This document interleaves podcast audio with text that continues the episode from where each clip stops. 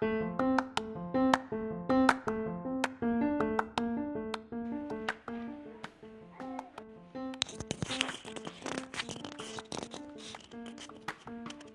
Assalamualaikum warahmatullahi wabarakatuh Bersama saya Aisyah Rahma, a.k.a. Nyai Dalang Kali ini saya akan membahas tentang fiksi gotik Fiksi gotik ialah satu dari sekian banyak genre yang mampu mengakomodasi teknik dan filosofi romantis sekaligus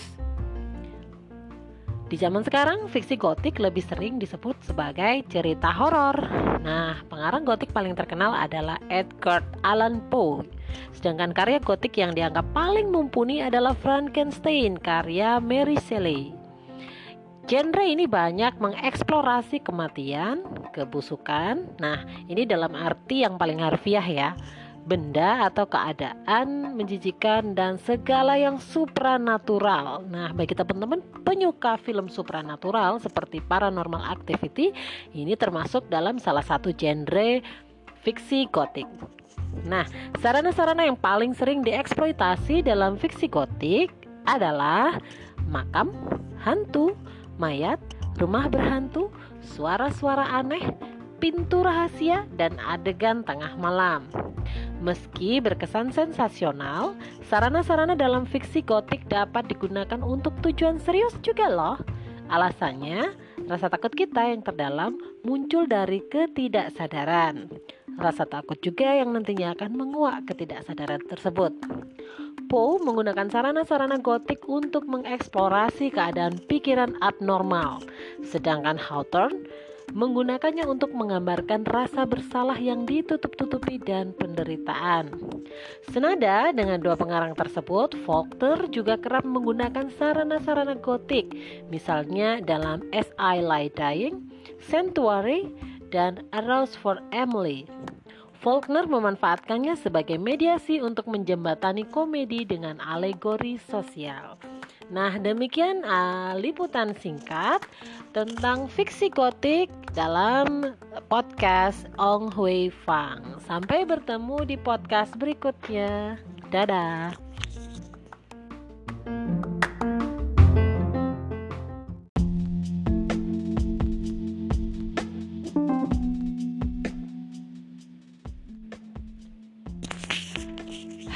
Assalamualaikum warahmatullahi wabarakatuh. Kembali lagi di podcast edisi kedua. Kali ini saya akan membahas tentang fiksi autobiografis atau yang dikenal dengan Bildungsromanz.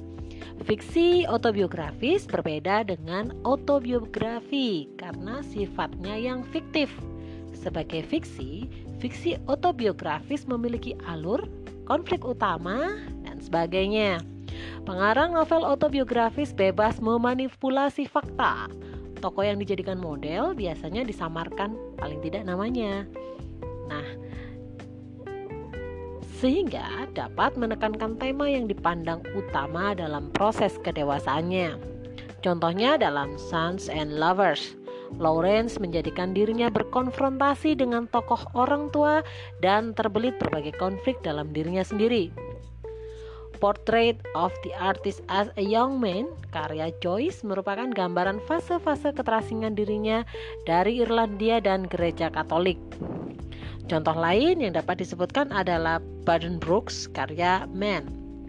Novel ini adalah sebuah novel autobiografis yang terinspirasi oleh keluarganya.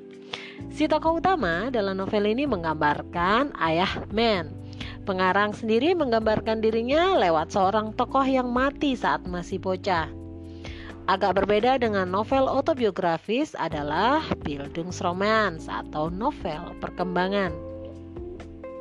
Salah satu bedanya, Bildungsroman tidak perlu mengambil modelnya dari dunia nyata. Apa yang diperlukan Bildungsroman adalah satu tokoh utama yang dapat dieksplorasi. Topik yang menjadi bahasan novel ini terpusat pada persoalan kedewasaan si tokoh utama, baik kedewasaan intelektual, moral, spiritual, maupun artistik. Nah, sedikit wawasan tentang autobiografi. Jangan lupa saksikan podcast episode ketiga. Saya akan membahas tentang fiksi episodes dan pikares. Sampai jumpa.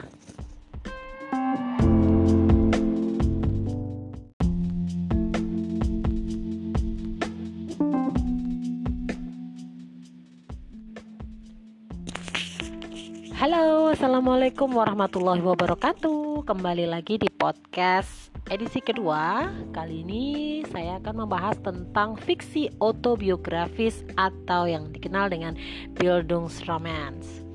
Fiksi autobiografis berbeda dengan autobiografi karena sifatnya yang fiktif. Sebagai fiksi, fiksi autobiografis memiliki alur, konflik utama, dan sebagainya. Pengarang novel autobiografis bebas memanipulasi fakta. Tokoh yang dijadikan model biasanya disamarkan paling tidak namanya. Nah, sehingga dapat menekankan tema yang dipandang utama dalam proses kedewasaannya. Contohnya dalam Sons and Lovers, Lawrence menjadikan dirinya berkonfrontasi dengan tokoh orang tua dan terbelit berbagai konflik dalam dirinya sendiri. Portrait of the Artist as a Young Man, karya Joyce merupakan gambaran fase-fase keterasingan dirinya dari Irlandia dan gereja Katolik.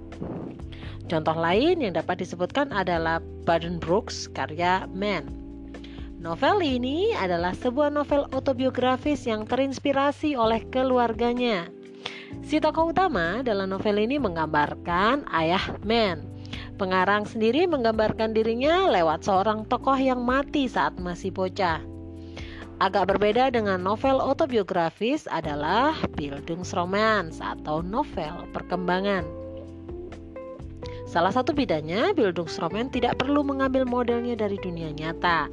Apa yang diperlukan Bildungsromance adalah satu tokoh utama yang dapat dieksplorasi. Topik yang menjadi bahasan novel ini terpusat pada persoalan kedewasaan si tokoh utama, baik kedewasaan intelektual, moral, spiritual, maupun artistik. Nah, sedikit wawasan tentang autobiografi. Jangan lupa saksikan podcast episode ketiga. Saya akan membahas tentang fiksi episodes dan pikares. Sampai jumpa. Halo,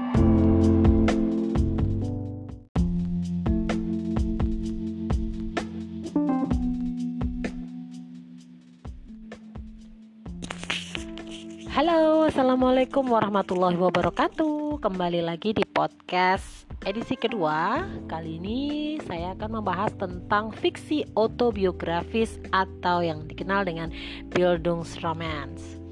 Fiksi autobiografis berbeda dengan autobiografi karena sifatnya yang fiktif. Sebagai fiksi, fiksi autobiografis memiliki alur, konflik utama, dan sebagainya. Pengarang novel autobiografis bebas memanipulasi fakta.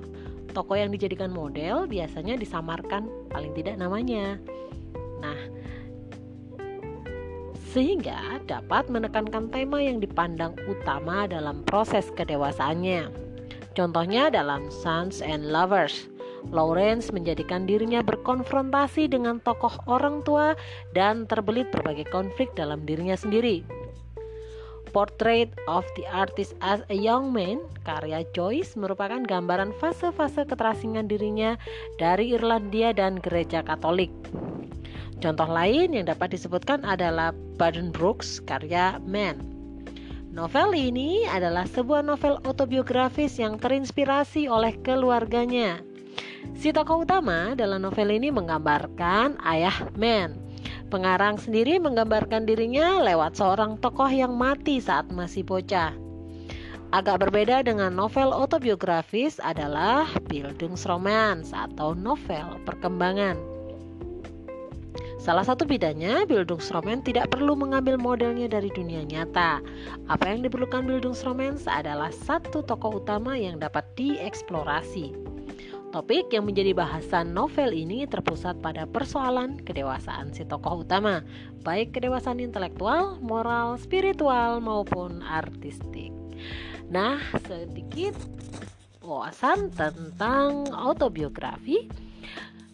Jangan lupa saksikan podcast episode ketiga. Saya akan membahas tentang fiksi episodes dan pikares. Sampai jumpa. thank you